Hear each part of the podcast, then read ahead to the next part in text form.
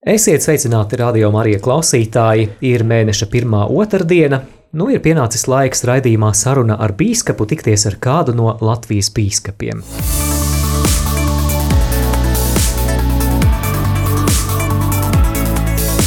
Saruna ar bīskapu par aktuālo baznīcā un ārpus tās.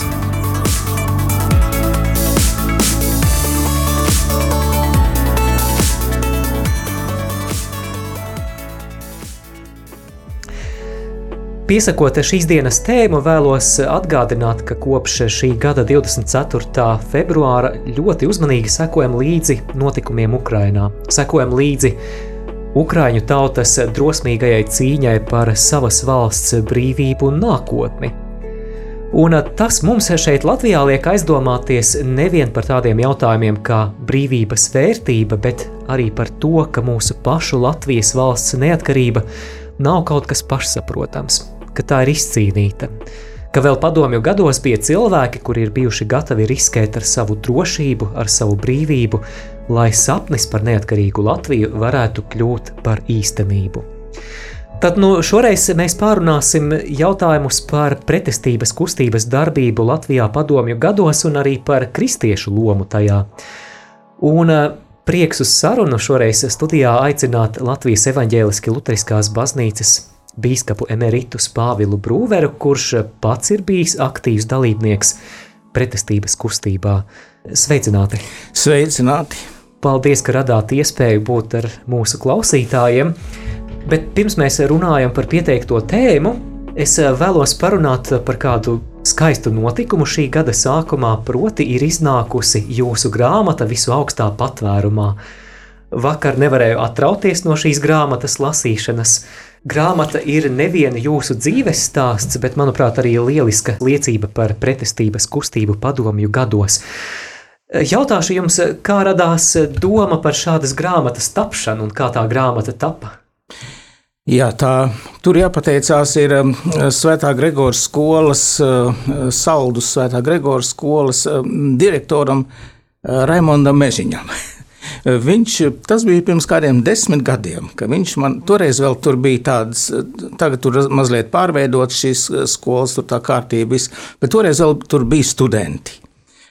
Un viņš man aicināja tā, nolasīt tur lekciju par dieva vadību cilvēka dzīvē.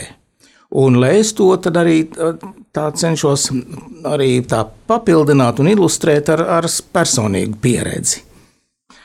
Un tad nu, eh, es eh, sāku tā raudzīties, eh, kādi man ir piedzīvojumi, kur es varētu tā, tā skaidri samanīt, atpakaļ skatoties, kā Dievs mūs ir sargājis un kā Viņš ir vadījis. Un, Un, uh, es atradu tur, es no sākuma uzrakstīju kādus, kādus 5, 6 punktus, un tā pa starp vienmēr tur nāca klāt, un aizvien nāca klāt, jo vairāk tur uh, atcerējos uh, pagātni, jo vairāk man tur nāca klāt visi tie, tie notikumi, es nemaz viņus nevarēju kaut kā uzrakstīt. Es tikai pierakstīju uh, to notikumu, un tā, tikai tāds virsrakstus uztaisīju. Un tad nu, es gāju uh, pie studentiem un uh, ar viņiem runāju. Un es nekad nevarēju to lekciju pabeigt. Jā, vienmēr bija tik daudz. un, Domāju, gan. Jā. jā, jā, tik daudz bija. Un tad es kādas trīs vai četras reizes tur uz saldu braucu arī ar citiem studentiem, ar šo pašu lekciju. Un vienmēr tur nāca klāt un nāca klāt. Un, un tad arī man aicināja dažas draudzes arī ar šo stāstījumu. Un tad es tā kaut kad, pirms kādiem gadiem, pieciem, sešiem, tā sapratu, ka vajadzētu uzrakstīt to. Tas ir tomēr tāds tas stāsts, ir, viņš nav pierakstīts, viņš ir tikai manā galvā un tikai virsrakstos. Un es tā jūtu, ka cilvēkiem tas tā likās tāds uh, interesants un, un, uh, un vienmēr bija daudz jautājumu. Un es tad arī sāku rakstīt. Un es domāju, es ātri uzrakstīšu. Es tagad jau sāku rakstīt, es uz Ziemassvētkiem izdosim, būs man viena kāda uh, Ziemassvētku dāvana ļaudīm. Ja. Neizdevās? Un, nē, kāpēc? Neizdevās tāpēc, ka sākumā ļoti entuziastiski rakstīju. Tā pirmās eh, nodaļas, viss tā gāja raiti, raiti, līdz es nonācu tā pie tādiem drusciņiem sarežģītākiem manas dzīves posmiem. tādu, ka, nu, nu, ka, jau, ka jau tāds, tāds pats mitnieks un jau kaut kur nāca pie, pie, pie jau, jau studiju gados. Tur bija jau tāds sarežģītāks, visas tās manas attiecības gan ar cilvēkiem, gan ar Dievu. Un, un es tad īsti nesapratu, ko lai raksta, kā lai par to raksta, kā, kā lai es no tā tam tieku pāri. Un tā es iestrēgu. Un es domāju, Man arī reiz bija ļaudīm jau teicis, ka uz Ziemassvētkiem būs man grāmata. Man vienmēr prasa, nu, kā, kā tad ir. Es saku, nu, uz nākamajiem Ziemassvētkiem. Nebija arī uz nākamajiem Ziemassvētkiem. un, un, tā, un tā es ne, vienmēr kaut kad gribēju iet uz priekšu, un netiku, un netiku. Un tad beigās es domāju, ah, varbūt nemaz nevajag. Acīm redzot, tas, tas nav, nav nekas, kas cilvēkiem varbūt būtu vajadzīgs. Un es arī tā, tā pametu to, bet nu, man tas sirdī visu laiku bija tāds nemieris. Un tas bija pagājušā gada, pagājušā vasarā, vai aizpagājušā vasarā, kad, e, jā, nē, tas bija pagājušajā vasarā, jā. Nevis šajā, kas tikko pagājis, bet iepriekšējā gada. Um, ar, uh, Arnēs Šablovskis, tas jau ir pazīstams. Jā. Jā. viņš, viņš mani aicināja, vai es nevarētu palīdzēt izveidot tādu skaistu jubileju mūsu brīvības cīnītājai Lidijai Lasmanei. Tādu jau viņai 95 gadu jubileju. Un tā mēs, viņš tur pie manis bija atbraucis. Mēs tur abi sēdējām un pārunājām un spriedām, kā tur viss varētu organizēt, kā taisīt, lai tas būtu pietiekami cienīgi. Un, un labi. Un, un, un tā nu, mēs tiešām arī to, to darbu pabeidzām. Un tad nu, Arnēs man tagad prasa, nu, kā tev pašam klājās. Nu, es viņam teicu, jā, man tā nav īsti tā, neiet uz priekšu ar to grāmatu. Viņš arī zināja, ka es rakstu grāmatu. Ja? Un, un es teicu, ka droši vien, ka es tā vienkārši nesaprotu, ko rakstīt, ko nerakstīt, vai vispār vajag. Un tad viņš man tā diezgan bargi pateica, neslinko, raksti, raksti vienalga ko, tikai raksti. Un, un, un, ja būs kaut kas pa daudz, varēs nosvītrot, ja būs kaut kas pa maz, varēs pierakstīt klāt, bet ej uz priekšu, ne, neslinko. Un, un man šie vārdi tā iesēdās diezgan stipri sirdī. Es sapratu, ka es tiešām slinkoju. Kad, ka man ir jā, no, šī, no šī slinkuma jātiek vaļā. Un tā, tā ārņa iedvesmots, es atkal piesēdos un tagad rakstīšu tālāk, un neiet šā vai tā. Nu, neiet un neiet. Un es sapratu, tā, acīm redzot, jāsāk no sākuma. Es paņēmu no pirmās nodaļas, un es viņu pārrakstīju gandrīz pilnībā. Otro tāpat, trešo, visu, es nepārtraukti viņu visu pārrakstīju. Es tā pārrakstīju, ka man viņa sāk patikt. Jo man tā, tā likās, ka kaut kas tāds kā nu, cilvēkiem varbūt nezinu, vai tas tā patiks, kā es esmu uzrakstījis, bet nu, man likās, ka nu ir labi. Un tad, kad es nonācu pie tās vietas, kur es biju iestrēdzis, es tā viegli tiku pāri un aizgāju. Un, un tiešām es pat domāju, jā, tas bija vasarā, kad es to sāku. Es domāju, nu tagad uz Ziemassvētkiem gan izdosim. Un es viņu jau tiešām novembrī jau nodevu um, iespiešanai. Bet tas bija diezgan tā, tā, nu, pilns laiks dažādām tipogrāfijām, ar visādiem iespēju darbiem. Viņi nevarēja uz Ziemassvētkiem to dabūt gatavu. Un tad nu, šī gada februārī iznāca tā grāmata. Jā. Arnis Šablovskis arī uzrakstīja skaistu priekšvārdu grāmatai, kas man ļoti patika arī, ka katrai nodaļai beigās jūs esat piemeklējis atbilstošus svēto rakstu fragmentus. Jā, tā bija arī tāda eh, īpaša doma. Eh, jo man jau diezgan daudz draugu jau no, no, no bērnības, no maniem mācību laikiem, tehnikum, skolā, tehnikumā un, un studijas, medicīnas studiju laikā.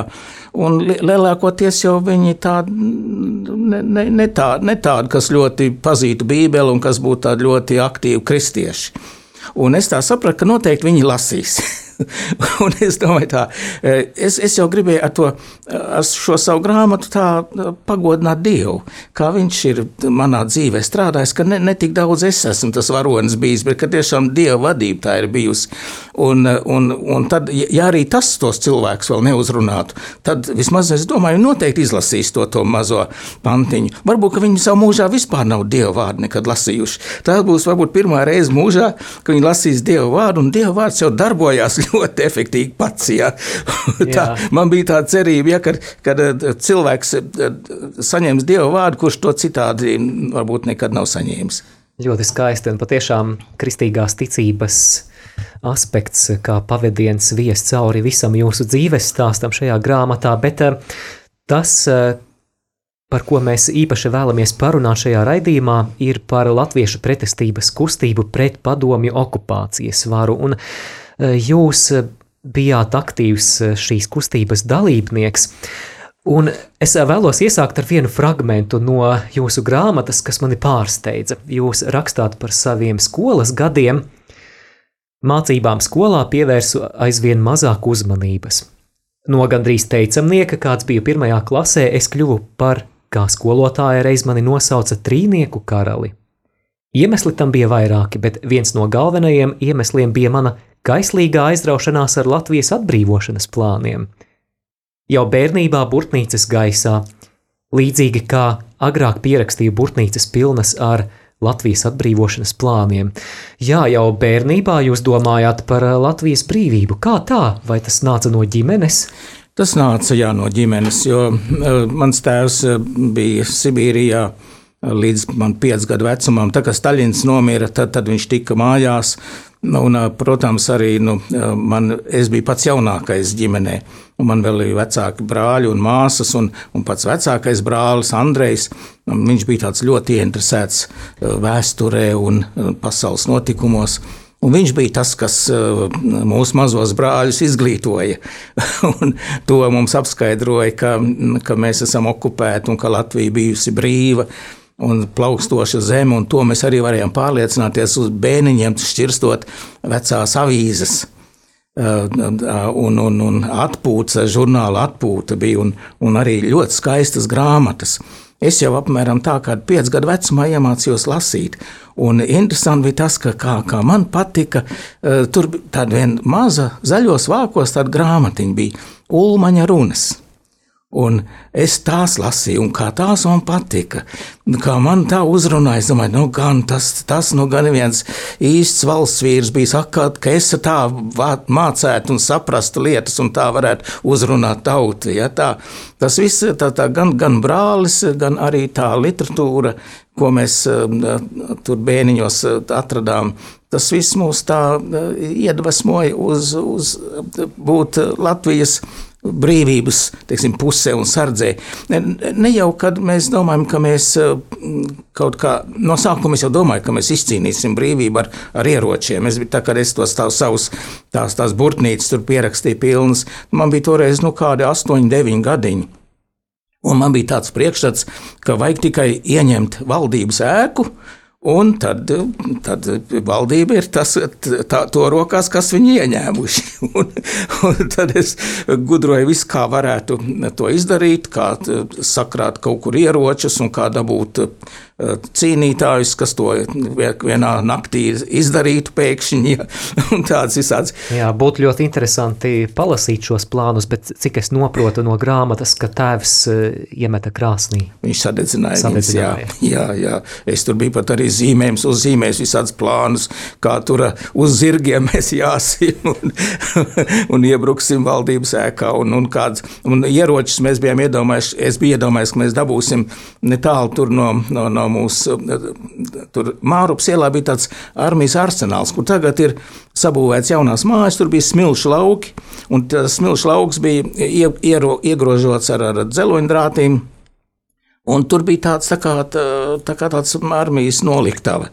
Un es domāju, ka nu, tur mēs tam tās drātas pārgriezīsim un iebruksim un dabūsim gan tankus, gan lielgabalus un visu, ko vajag. Un Latvija būs brīva, Latvija būs mūsu. Jā, jā šī doma par brīvo Latviju. Tas nebija tikai sapnis, par ko domāt, bet jūs arī reāli rīkojāties. Nevis tā kā nu pat aprakstījāt, ne jau ar militāriem līdzekļiem, bet eh, mēs eh, lasām jūsu grāmatā, kā jūs ar viņa savu brāli Olafu arī reāli darbojāties. Varbūt varat vairāk pastāstīt klausītājiem, ko tieši jūs darījāt. Jā, nu, mums tā, tā doma bija, ka latvieši ir diezgan tādi pesimistiski kļuvuši, ka, ka par neatkarību daudz ļaudis nesapņo. Bieži vien, kad runāja ar kādiem ļaudīm, teica, nu jā, te vēl kā 50, vēl kāds 100 gadi, un tādas Latvijas vispār nebūs, un Latvijas karvairs te neviens nerunās. Un mums liekas, ka tas ir ļoti, ļoti nāvējoši mūsu tautai, šāds, šāds pesimisms. Un tāpēc mēs visu kaut ko gudrojām, kā varētu tādu pacelt garu un, un tādu to, to optimismu, ka tomēr ir ļaudis, kas, kas par Latvijas neatkarību rūpējās, kas domā Un, un, un kad, kad kaut galvenais uzturēt to, to ticību tam, jo kaut kad jau pienāks tāds brīdis, kad varēs saņemt šo eh, neatkarības dāvanu, bet tad, ja, ja nebūs vairs neviens, kas to saņem, Eh, tad, tad, tad ir bēdīgi. Bet nu, vismaz lai tautā būtu tā, tā ticība un, un tas optimisms, ka tas ir iespējams. Kā tad jūs centāties veicināt šo optimismu un ticību? Jā, tā bija. Un tad, tad mēs dažādas um, uzrakstus uz sētām rakstījām. Un, Eh, un tādas lapiņas arī tā kā skrejlapiņas izplatījām gan pa paskastītēm, gan arī kaut kur līmējām pie sienas uz skolai. Es atceros arī, es vēl nu, nu sarakstītas eh, skrejlapiņas par brīvo Latviju, nosvied no trepēm, no trešā stāva, lai izklīst pa visu skolu, tām kāpņu telpām. Un te es atceros, ka reiz eh, Es nākot mājās no skolas, skatījos, neviens nav uz, uz tēriņu un sēsils stūri. Tāda, tāda māja bija zaļu sētu, zaļiem vārtiem, un es uz tiem vārtiem uzrakstīju, lai dzīvo Kārlis Ulmanis. tagad es atnāku vakarā, domāju, nu es esmu vienu labu darbu padarījis, un mans vecākais brālis atnāk. Viņš saka, ko tu tik muļķīgus uzrakstus, ko tik muļķīgus lozungus raksti. Viņš saka, kā muļķīgs. Viņš, tā saprata, ka tas es, es esmu, ja, jo pēc rokraksta droši vien. Nā, tad jūs viņam neteicāt, viņš ne, pats saprata? Nē, nē viņš, viņš uzreiz man teica, ko, kaut ko tik muļķīgi rakstu. Es teicu, ka kādos ir muļķīgi, ka Ulmans ir, ir miris un viņš nedzīvos. Drīzāk rakstā, lai dzīvo brīvā Latvija vai tā kaut ko, bet ne, ne jau ne, ne, nerakst tādas kaut ko nereālu. Jā. Jā, grāmatā jūs arī aprakstāt, kā 1963. gadā Bērzā kopā ar brāli Olafu jūs pakārāt Latvijas karogu. Tas ir liels risks. Es domāju, ka jutāt arī bailes, uztraukumu. Es domāju, ka tas nebija nemaz tik vienkārši. Bet kur jūs smēlāties drosmi? Ehm, jāsaka tā, ka nu, mums eh, tā, tāds bailes to visu to gatavojot nebija. Bija tikai tāds prieks par to, ka mēs kaut ko lielisku izdarīsim. Un mums gribējās to, to, to karogu uzvilkt bērzā. Mēs noskatījām to bērzu eh, netālu no mūsu mājas. Tas arī nebija pārāk gudri, ja, ka tik tuvu pie mājas, bet nu, vismaz tā, tā, tā, tāda mums bija tā gudrība, ka mēs tur ejot uz, uz, uz to bērzu, gājām pāri pa uzārtu lauku no pretējās puses un ar daudz lielākiem apaviem uzvilktiem virsū. Tād, tāds vecs apavs mēs no šķūņa izvilkām, lai, lai maldinātu, cik mēs esam lieli un no kuras puses esam nākuši. Un tā vismaz tik daudz mēs viņus tos, tos izmeklētājs nomaldinājām. Bet tā problēma problēma bija tā, eh, kur tās bailes bija. Tās bailes bija tajā brīdī, kad bijām uzkāpuši jau tajā kokā un redzējām, ka eh, ne, nav iespējams to, to, kā, to karogu dabūt virs eh, lapotnes, jo, jo bērns jau ļoti smails, ar ļoti smailu virsotni. Un tur jau ne, ne, mēs nespējām tik augstu uzkāpt, un pie tā mēs bijām nolēmuši viņu naglot būtu vēl izdomājuši ar, ar piesiešanas striķi, tad nu, gan varbūt, ka vēl varētu izvilkt tur cauri. Āmura klaudzieni skanēja. Un tas bija, gan, tas, tas bija tas, kas visvairāk mūs baidīja. Jo tā, ka mēs sākām viņus naglot, Tad tā laidām, mēs virs, virsotnes nedabūjām, tad mēs izvilkām ārpusē tā lapotnē, bet nu, bija redzams ārpusē. Un tagad sākām viņu naglot, tādas apkārtējas suņi sāka riet. Un mums bija bailes, ka nu, tad, to taču dzird viss apkārtni, ka, ka, ka tur kaut kas, kaut kas tiek naglots. Jā. Bet nu, neko darīt, apakaļ ceļa nebija, bija jāturpina. Un tad mēs tā ar tādiem maziem pārtraukumiem tā ieklausījāmies, vai kāds nenāk, vai kaut kur kāds um, nav to pamanījis, un, un tā atkal, tā atkal piedagloja, un, atkal, un ar tādiem pārtraukumiem mēs viņu pienaglojām, un, un, un atkal, atkal tā pa to uh, ceļu uz pretējo virzienu aizgājām projām.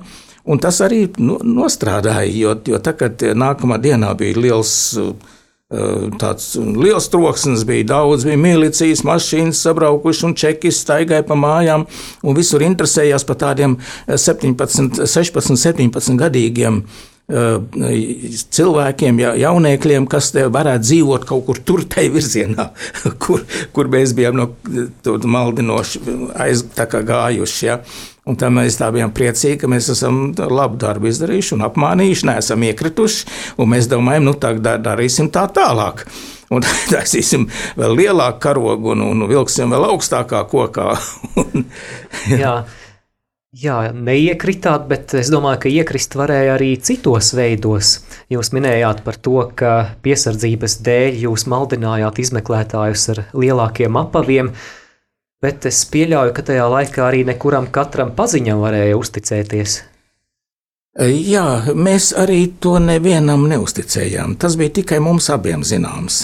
Un tas nebija nevienam citam zināms. Tas pat nebija nevienam no maniem citiem brāļiem mājās zināms. Un labi arī, ka tā, jo arī ienāca mūsu sētā, tad un, un man brāli Dānielu, tur viņam bija prasījuši, vai viņš nezina, kur tādi tād razbainieki kaut kur dzīvo, kas kaut ko tādu būtu varējuši darīt. Šis, viņš bija, ja viņš būtu zinājis, ka mēs te esam, viņš droši vien kaut kā būtu varējis nodot to ar, ar savu satraukumu, varbūt vai kā. Bet viņš nezināja, un, un viņam arī radās tāda pārliecība, ka noteikti mūs, no mūsu mājām tas nav nācis. Ja. Bet tā, tā jūs jautājat arī par to, kur mēs to, to drosmi ņēmām es teikšu tā, ka tas bija, tas, tā, tā bija tāda, mēs sajūtām tādu dieva apsardzību, jo mēs eh, vienmēr pielūdzām dievu. Mēs esam auguši tādā no, dievbijīgā ģimenē, un Mēs tā vienmēr sapratām, ka e, es atceros jau no agras bērnības, kad vakaros, kad gājām gulēt, tad mums vienmēr arī ar dievu vārdiem noguldīja un ar, ar, ar dziesmiņu un ar lūkšanu. Ja?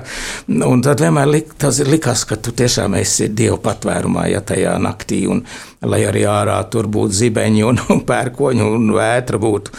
Un, un, um, un tā arī, ka mēs pirms katra tāda uh, pasākuma vienmēr lūdzām Dievu.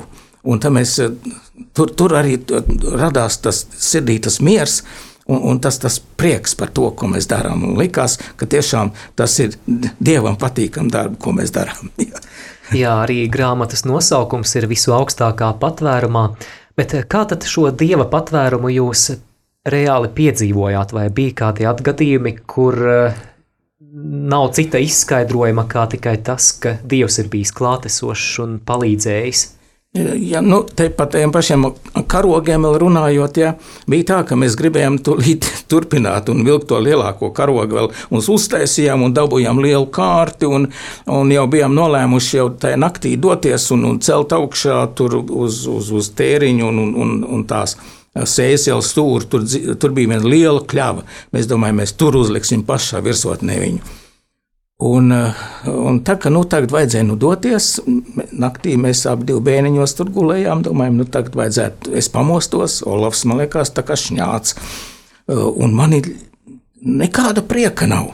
Ir tāda nepatīkama tāda, tāda uh, sajūta, ka, ka, kaut, tāda, ka kaut kas nav labi, ka tāda ne, ļoti negribās iet. Un uh, Es tad arī Olafu nepamodināju un atkal iemīgu. Un, no rīta mēs pamostamies. Olafs saka, es arī pamodos. Un, e, pa, e, kaut kad viņš ir pēc manis pamodies un, un, un, un domājis, ka nu vajadzētu iet. Bet arī viņš saka, viņam sirdī bija tāds, tāds, tāds mudinājums to nedarīt. Un paldies Dievam, tas bija tiešām tāds dievišķs pasargāšana, jo mums tad stāstīja kaimiņi, ka tur tajā laikā gandrīz vai nedēļu vai ilgāk vēl ir visu laiku bijis tāda novērošana, bijis tāda nu, šur tur uz stūriem stāvējuši ir, ir miliči nolikti vai kādi brīvprātīgie vai kas nezinu, bet vai, vai čekisti, ja, kas, kas ir skatījušies, vai kaut kas tāds neatkārtosies, jo viņi jau saprat, ka tie ir bērni, kas to ir darījuši, un kā, kā tādu piedzīvojot kaut kādu tādu panākumu, noteikti gribēs atkal atkārtot. Tā jau viņi pareizi domāja, bet viņi Paldies Dievam, ka Dievs mūs pasargāja no tā.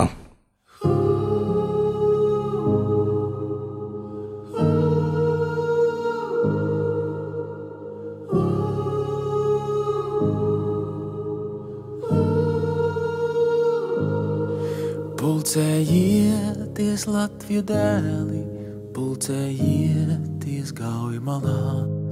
Dziediet dziesmas, mīļie draugi, svēto zolu trijotnē. Gaujas malā vēlos dzīvot, vēlētos būt piedzimis. Tur, kur saule miežu zeltī, tur, kur zaļo apvidīs. Tur, kur saule miežu zeltī, tur, kur zaļo apvidīs.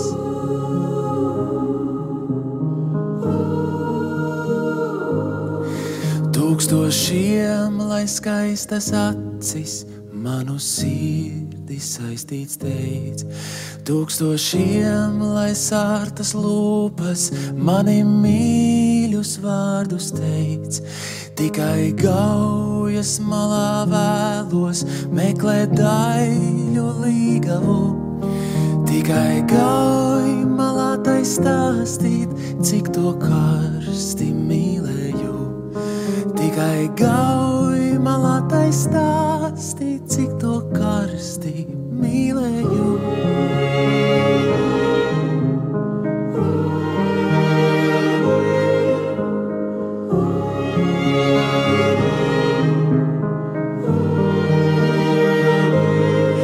Lai ar svešas zemes saule audzē vīnus gardākos, lai ar sveštautiešu dziesmas jūtu pilnas slavētos.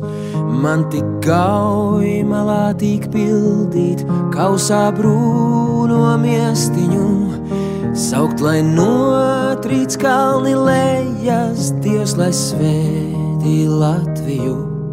Saukt, lai notrīc kalni lejas, Dievs, lai svētī Latviju.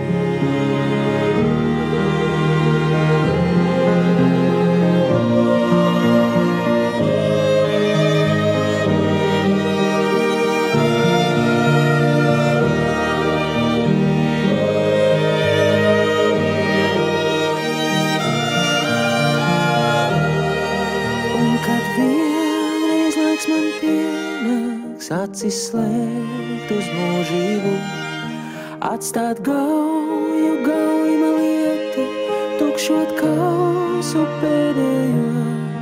Tikai gaujas malā mani, vieglas smiltis guldiniet, pilnu kausu savā alus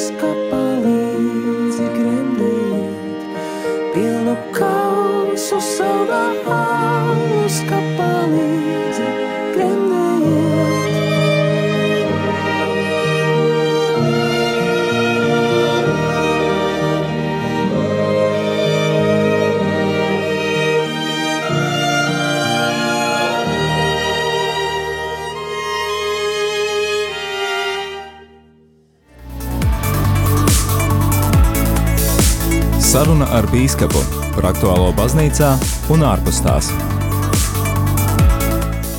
Vēlos atgādināt, ka tu klausies raidījumu Saruna ar Bīskapu. Šeit pie mikrofona un studijas pults es Māris Veliks, un studijā ar mums kopā Latvijas evaņģēliski luteriskās baznīcas bīskaps emeritus Pāvils Brūvers.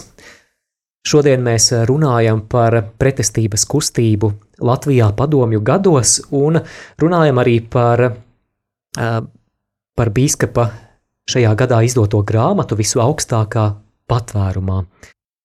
Šodien, ja mēs palūkojamies uz informācijas telpu, piemēram, uz mūsu austrumu kaimiņu Krieviju, mēs redzam, cik liela loma var būt propagandai. Propagandas vīzija par notiekošo tiek iepotēta cilvēku prātos, bet arī padomju savienībā propagandai bija ļoti liela nozīme. Kā jūs dzīvojāt, neļaujoties šīs propagandas ietekmei, vai, vai nevienā brīdī neradās šaubas, ka varbūt tas, ko mums stāsta, tas, kas tiek mācīts, tas, kas lozungos tiek attēlots vai rakstīts, nu, varbūt tomēr tā ir patiesība? Nē, interesanti, ka ne brīdi kaut kas tāds neienāca prātā, ka tā varētu būt patiesība. Un tieši arī tāpēc, lai bija arī ļaudis, kas tajā propagandā, tajā burbulī dzīvoja, jo bija tādi vecāki, kas baidījās patiesību stāstīt, jo tajā laikā jau tā vecākā paudze jau bija piedzīvojusi gan Otro pasaules karu, gan arī daudz no tiem bija piedzīvojuši arī neatkarīgo Latviju. Viņi jau zināja, kas ir, bet saviem bērniem to nestāstīja, baidīdamies, ka tas viņiem var nākt pa skādi, ja, ja viņi nonāk konfliktā ar, ar padomju iestādēm. Bet nu, mans tēvs jau arī bija diezgan nobijies. Viņš jau arī vienmēr mudināja ne, tā, ne, neko neiesaistīties kādās pretestības lietās. Bet toties, es saku, ka vecākais brālis bija tas mūsu tajā bērnības laikā, tas galvenais tāds ideologs. Ja? Un, un tad ar laiku mēs tā sapratām, ka ir, ir, ir jādod kaut kas pretī tam. Ir, ir, ir tāda, un, un galvenais ir tas, ka lai cilvēki um, to, to, arī to labāk uzņemtu, uh, ka, ka, ka viņi tā saprastu, ka ir kādas organizācijas, ir kādi ļaudis, kas par to cīnās, kas par to rūpējās. Un tad mēs nole, tajā laikā tieši kaut kad, tas bija kaut kādi 60. gadu beigas, 70. gadu sākums, kad no uh, ieslodzījuma, desmit gadu ieslodzījuma atgriezās uh, tāds, uh, Edmunds Cirvels. Viņš bija uh, kā tāds jauneklis aizsūtīts uz Sibīriju. Uh, vienkārši par to, ka viņš bija uh, kara laikā lidotāju skolā mācījies, jau viņu apsūdzēja par spiegu un iedeva desmit gadus. Un, bet tajā iz, no, ieslodzījuma laikā, tiekoties ar citiem politieslodzītajiem, viņš bija ļoti labi politiski izglītots. Un tā ļoti arī viņam bija tāda. Tāda organi, varētu teikt, tādas struktūrētas domas un, un saprāšana par to, kas ir Padomju Savienība, kādi ir viņa mērķi un kā mēs pret to varētu cīnīties. Un tad mēs ar viņu bieži tikāmies. Viņš bija ļoti, ļoti interesants persona. Viņš man pirms gada mīra. Es vēl atceros, ka vēl, man bija tas gods viņu izvadīt. Viņš, piedošana, viņš mira jau agrāk, pirms gada viņa, at, no, viņš Vācijā mira, viņa atveda viņa, viņa pārpelnot pelnus, un tos mēs apglabājām arī šeit, Latvijā. Bet viņ, viņam bija tāda, tāda, tāda, tāda pārliecība, ka ir trīs lietas vajadzīgas. Viena lieta ir vajadzīga patiesība. Saka, jārunā, ir, jo, jo padomju režīms balstās uz meliem. Un, un, un šos melus, ja, ja mēs apgāžam, tad, tad tas padomju režīmam ir ļoti grūti pret to cīnīties un ļoti grūti pastāvēt. Runāt patiesību, patiesību par, par vēsturiskiem notikumiem, runāt patiesību par šodienu, runāt patiesību par to, ko viņi nolēmuši nākotnē, vispār grib viņi mūs iznīcināt. Un, pirmkārt, patiesība. Otrs ir ka viņiem ir ārkārtīgi bailes no, no tā, ka cilvēki nekontrolēti organizējas. Un tāpēc viņš saka, ir nepieciešams eh, dibināt organizāciju. Vai viņa ir liela vai maza, tas nav svarīgi. Viņi jau to nezinās. Mums ir vienkārši jā, jānodibina un, un skaļi jāpasludina, kad ir organizācija. Mēs nodibinājām Latvijas neatkarības kustību. Un, un, un tad mēs arī uzrakstījām tādus iesniegumus par to, kāds ir mūsu mērķis. Mūsu mērķis ir pārtraukt padomju okupāciju, lai Latvija būtu brīva. Un, Un šā, ar šādu tekstu un ar apzīmogotas vēstules mēs izsūtījām padomju iestādēm, padomju arī laikrakstiem, un arī caur, paldies Dievam, mums izveidojas labi, labi pagrīdes kontakti ar rietumiem, arī aizsūtījām rietumiem. Tas bija tas mūsu galvenais kontakts rietumos, bija mācītājs Pauls Kļaviņš un eh, gaismas akcijas vadītājs. Un tad viņš arī visus tos mūsu eh, dokumentus un visu, ko mēs Latvijas neatkarības kustības vārdā eh, rakstījām, gan uz dažādiem svētkiem, gan uz dažādiem notikumiem reaģējām. Tas viss nonāca rietumu avīzēs, un pat arī Vācijas un, un, un, un Amerikas laikraksti arī to uzņēma, parādot to, ka, ka, ka, ka Baltijā briest uh, neapmierinātība ar padomju režīmu, un to atkal caur radio, caur Amerikas balsi, arī caur brīvo Eiropu, atkal tās ziņas nāca atpakaļ, tas, tas viss stiprināja ļaudis. Un tas trešais mūsu pamats, uz ko mēs stāvējam, bija kristīgā ticība.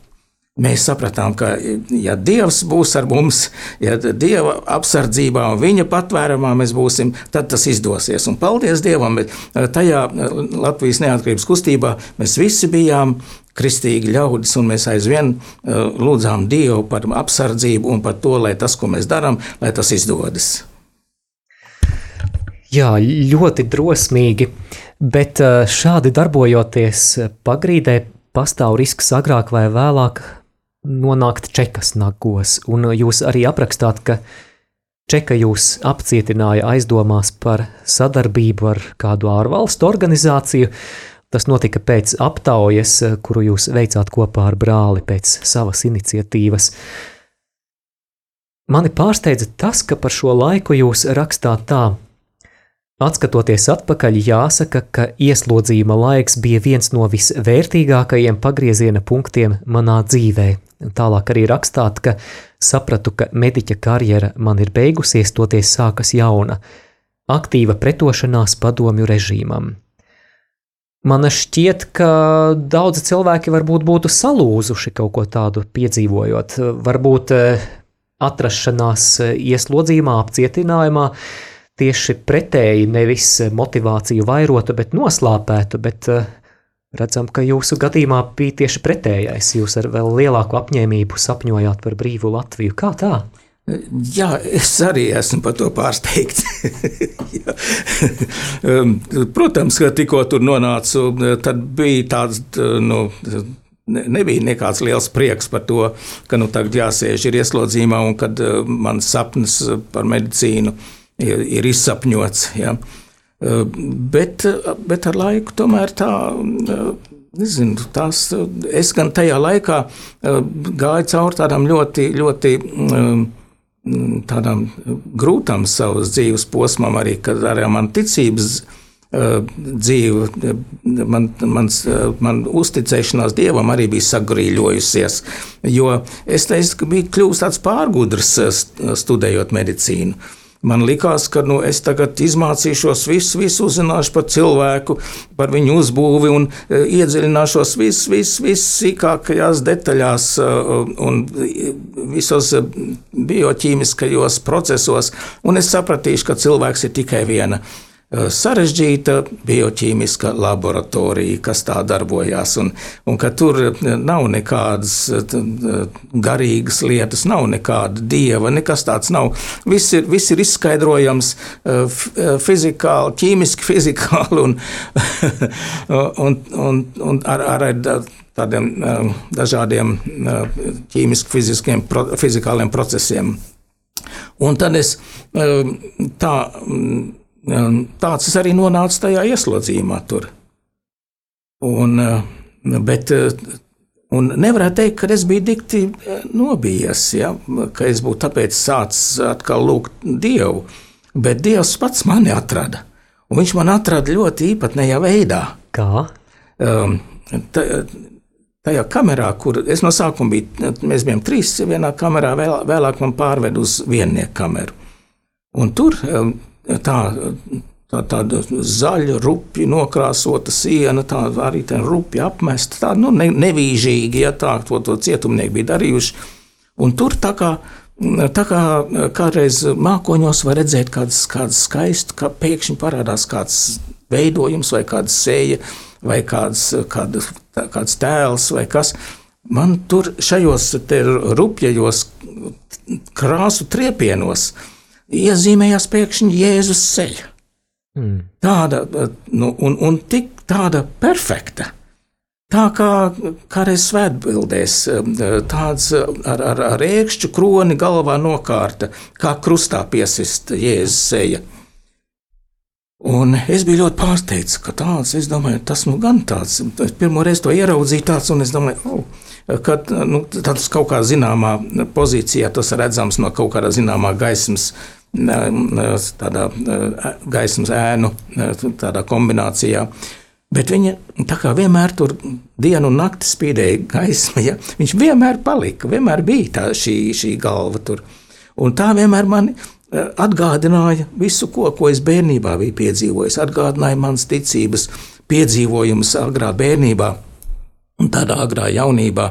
Es jau eh, tā varētu teikt, ka eh, bija piedzīvojis ļoti. Es jau arī aprakstu cik daudz esmu piedzīvojis eh, dievu vadību, bet es to tai savā pārgudrībā izskaidroju. Nu, vienkārši tas man tā ir. Tā man ir licies, ja tā kā jau to bieži vien ateisti skaidroja, ka visi kaut kādas sagadīšanās, kaut kādas, eh, kaut kādas iedomas un, un kaut kādas emocijas vienkārši sakāpinātas. Ja. Bet, bet šī, šī, šī seja man nekad neļāva aizmirst to, vienmēr to man atgādināja.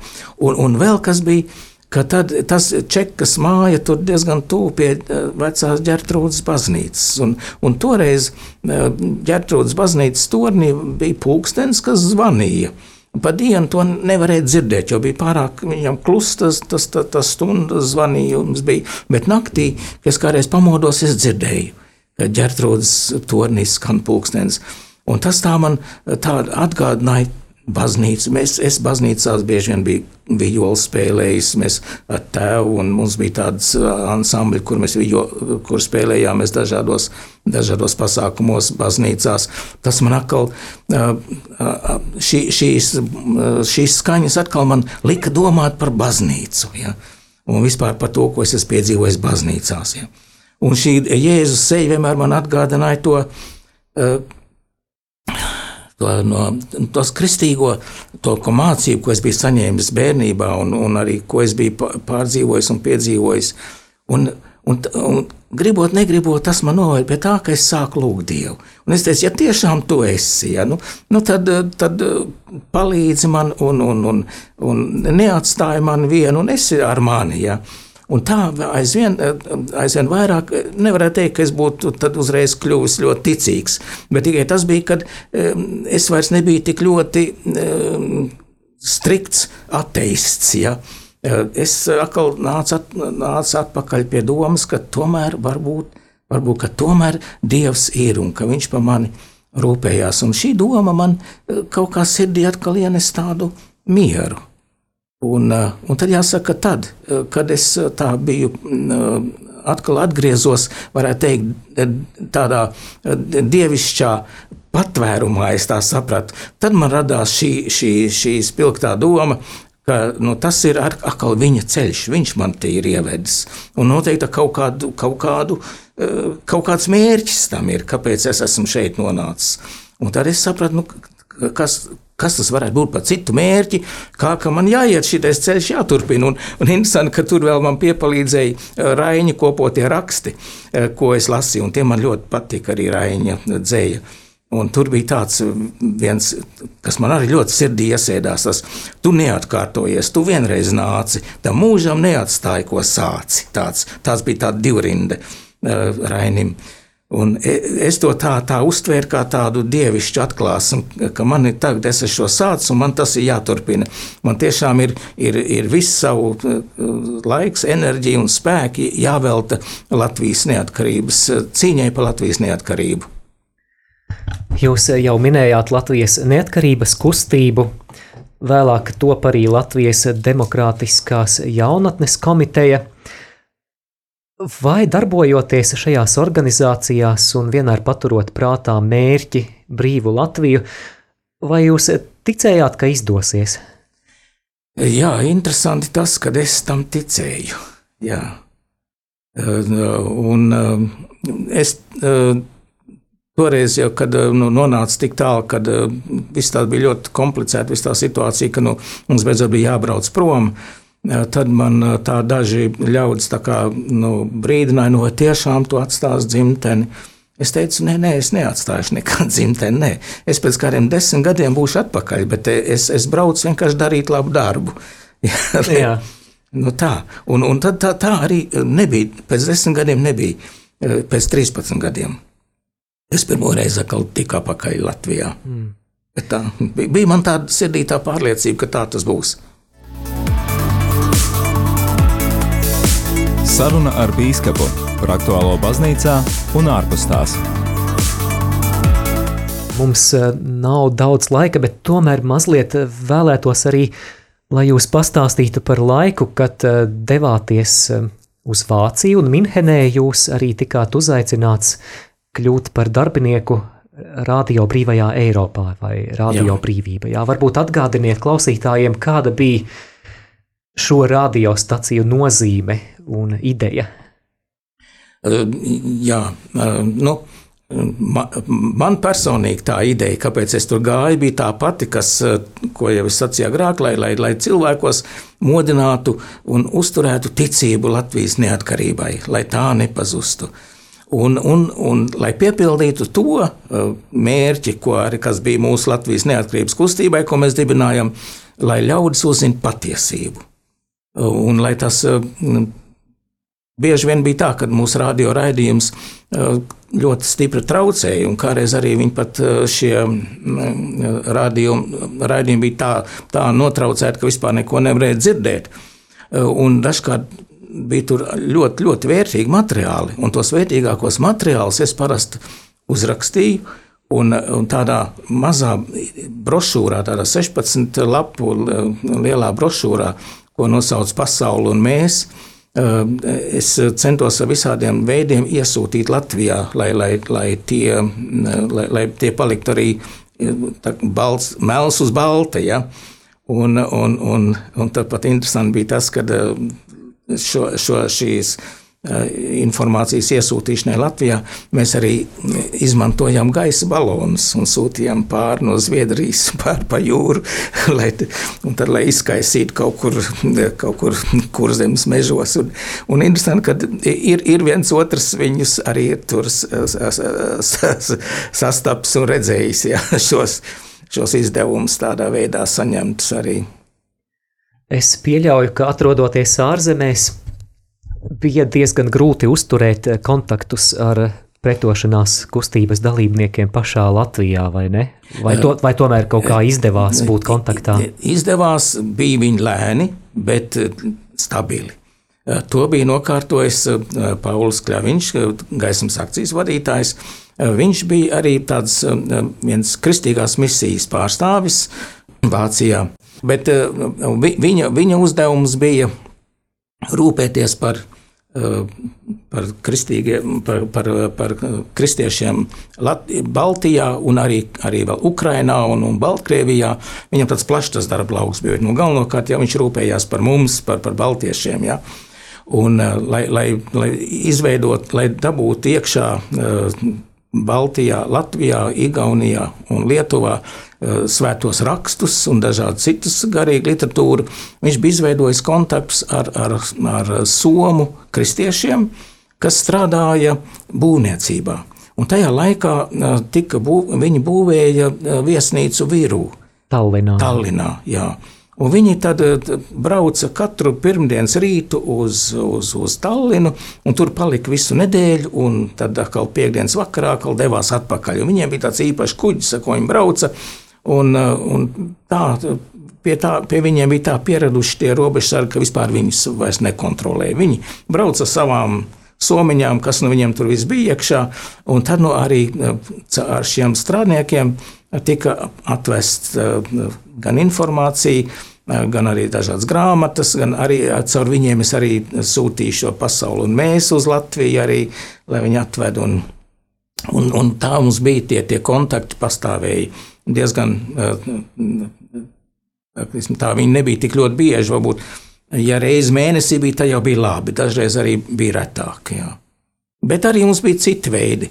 Dažādas arī, arī pa pastu, bija dažādas pasta sūtījumos noslēptas uh, informācijas, gan, gan, gan filmiņas, ritulītes ieliktas kaut kur bija, vai atkal grāmatu vākos ielikt kāda uh, kādas vēstules un, un, un tā, un atkal aiz, aizlīmēt ciet un mierīgi pa pastu, un arī ar turistiem, kas brauc. Tie arī bieži, mēs arī vienmēr meklējām kādu, kas brauks uz Latviju, vai nevarētu aizvest tur kādu grāmatu vai kādu fotoaparātu vai kādu, kādu radioaparātu, kurā atkal bija kaut kas iemontēts iekšā. Jā. Runājot par kristiešu iesaisti cīņā par Latvijas neatkarību, var minēt arī organizāciju atzimšana un atjaunošanās, tā cik saprotu, jau tapa vēlāk, vai ne? 80. Jā, 87. Gadi. gada 14. jūnijā, tieši tajā dienā, kad bija šī demonstrācija pie brīvības pieminekļus, ko aicināja Helsinki 86, tajā dienā arī tika dibināta atzimšana un atjaunošanās. Un tajā darbojās mācītāji, gan jā. Juris Rupenis, Modris Plāte. Jā, citi, jā. Jā. Vai jums arī bija saskarsme ar šo organizāciju, vai sadarbojāties? Jā, jā ļoti cieši bija. Jā, jā. Īpaši ar, ar Rubeni bija. Viņš arī tā kļuva gandrīz vai teikt par vienu no mūsu līdzstrādniekiem. Ja, viņš aizvien vismaz nedēļā reizes viņu sazvanījos, un viņš deva informāciju vispār Eh, par, par stāvokli Latvijā, no, no, no sava, no, no, no, no, tāda baznīciska viedokļa. Ja. Un tāpat arī man bija kontakti toreiz arī ar, ar LNNK, ar, ar, ar Berklavu toreiz, un, un tā arī tā organizācija 88. gadā izveidojās. Tad bija arī ar, ar vides aizsardzības klubu jā, ļaudīm, eh, un, un jā, nu, Tas tā, jā, un arī ar, ar Helsinki 86. Jā. Grāmatā, manuprāt, jūs ļoti trāpīgi aprakstāt latviešu tautas grūtības, atrodoties padomju varas pakļautībā. Jūs rakstāt, tūkstošiem cilvēku iznīcināti, tūkstošiem izvesti uz Sibīriju, tūkstošiem izdevās izpēkt uz ārzemēm. Ar to mūsu tautai tika nocirsta galva, un šobrīd un šobrīd notiek bez galvas palikušās tautas pārpalikuma iemīcīšana padomju masā, kamēr Latvija tiek pārvērsta par Krievijas provinci. Es eh, mazliet šo tēmu vēlos pārcelt uz mūsdienām. Manuprāt, eh, viss šis padomju stāsts ir lielā mērā saistīts ar eh, imperialistisko ideoloģiju, kura, kā mēs redzam, Krievijā nevien nav izzudusi, bet eh, šobrīd parāda sevi ļoti arī agresīvā veidā. Vai ir cerība, ka nākotnē šī imperialistiskā domāšana var krist, un vai var būt tāds laiks, kad mums austrumos var būt miermīlīgs kaimiņš? Um, jā, šobrīd tā cerība ir ļoti liela. Uh, tieši tāpēc, ka uh, Ukraina ir tik apņēmīga, Ukraina nepadodas tam. Un, un šī, šī cīņa var beigties tikai tā, kā beidzās Otrais pasaules karš ar, ar, ar šī agresora satriekšanu. Eh, man ir druskuļi bažas par to, ka, ka mūsu gļēvie rietumi eh, nobīsies un, un, Jā. un to eh, nepieļaus. Un tad, tad atkal, nu, uz kādu laiku viņi tik, tiks apdullināti, un pēc kādiem gadiem, 20, varbūt atkal viņi celsies. Ja to neizdarīs, kā toreiz izdarīja pēc otrā, otrā pasaules kara beigās, ka šo, šo ideoloģiju un visu vis šo, šo sistēmu satriec pilnībā. Un eh, tam, tam ir jānotiek, un tas var notikt. Un es tā ceru arī, ka varbūt eh, tas eh, varbūt nemaz tik smagi nevajadzētu satriekt to Krieviju, kā, kā Vācija tika nobumbota pilnīgi, bet kad, ka, ka psiholoģiski viņi varētu saprast, ka nu, viņi tomēr ir, ir ir, ir kļūdījušies, ka ir, ka tauta, tauta šobrīd vēl joprojām lielā mērā atbalsta to un, un jūtas tāda pārāk un tāda, tāda mesiāniska sajūta, ka viņi it kā atbrīvo visu pasauli no kaut kāda ļaunuma. Tas jau arī tādā propaganda tik ļoti masīvi to viņiem iedveš ka, ka, ka nu, cik tā rietumi ir izkurtējuši un ka tie būtībā e, nes e, visai cilvēcei postu un galu, ja? un ka viņi grib no tā pasargāt. Un tā, e, tāda labticīga ļaudis ir pat arī daudz arī Latvijā mūsu pareizticīgo brāļu vidū, ja? tādi, kas tā, tā to uztver. Ja? Bet es domāju, ka, eh, ka ir jānāk tai atskārsmei, ka, kad, kad, kad, kad ar, ar to, ar, ar, ar nāvējošiem rīkiem, ar, ar, ar iznīcināšanu, tu nevari neko labu atnest pasaulē, ka tu pats esi, tu esi pats tas ļaundaris, ka to beidzot viņi aptvertu. Un tad, tad, jau, tad jau varbūt tiešām nāktu kāda nāktu jauna paudze ar, ar, ar, ar demokrātiskām idejām, ar, ar, ar miermīlīgu, jo Krievija ir skaista, skaista arī tā tauta, skaista viņi. viņu kultūru, un tas viss ir skaists, ka tikai šis te drausmīgā, šī drausmīgā apmātība, kas tagad caur to putinismu ir pārņēmusi Krieviju, un es tā ļoti, ļoti ceru, ka šī, šis karš, karš noslēgsies ar putinismu sagrāvi. Āmen, patiešām, lai, lai notiek. Klausītājiem vēlos atgādināt, ka šajā raidījumā sarunājāmies ar Latvijas evaņģēliski luteriskās baznīcas bīskapu emeritus Pāvilu Brūveru, runājām arī par viņa grāmatu visu augstā patvērumā, kurā grāmatnīcā varētu meklēt šo grāmatu? Es esmu redzējis, vēl, ka viņa ir tādā ihtis grāmatnīcā. Tas ir pie, pie, pie Lutriskās baznīcas virsvaldes. Tur, jā, mazā pilsēlā četri. Tur, tur vēl es esmu redzējis. Jā, tā ka var doties uz vecrīgu un, un uzmeklēt šo grāmatu. Bet mums ir teju vai tāda nerakstīta tradīcija izveidojusies, ka raidījumu sarunu ar biskupu mēs noslēdzam ar lūkšanu. Vai jūs piekristu arī lūgt ēterā, un varbūt tā lūkšana varētu būt uh, par to, ko nu pat runājām, par to, kas notiek pasaulē, varbūt tā arī lūkšana par Latviju, par mūsu nākotni Jā. un tautu. Jā, tad lūksim ar. Jā, Dievs, kungs, debes tēvs, mēs tev pateicamies par šo brīnišķīgo iespēju caur radio, ka mēs varam satikties ar daudziem, daudziem brāļiem un māsām, un gan ticīgiem, gan neticīgiem, un iedegt katra cilvēka sirdī uh, ticības liesmu un vēlēšanos kalpot tev, vēlēšanos kalpot savai tautai. Mēs lūdzamies, debes Tēvs, ko tas, ko šis radio dara, ko arī mēs šodien esam darījuši, kaut tas, ka tāda sēkla izaugtu un nestu daudz, daudz labus augļus mūsu tautai. Um, mūsu valstī. Un mēs lūdzamies arī tev arī par citām vietām. Īpaši mēs tev lūdzamies par Ukrainu, kas šobrīd cīnās par savu brīvību, par savu neatkarību, un viņi cīnās arī par mūsu nākotni. Palīdz debes Tēvs šo, šo cīņu, šo karu noslēgt ar, ar patiesu uzvaru. Kaut šis ļaunā ļaunā impērija, kas, kas grib pakļaut sev visu pasauli, sabrukt. Lai tas būtu tavs labais prāts, debes Tēvs.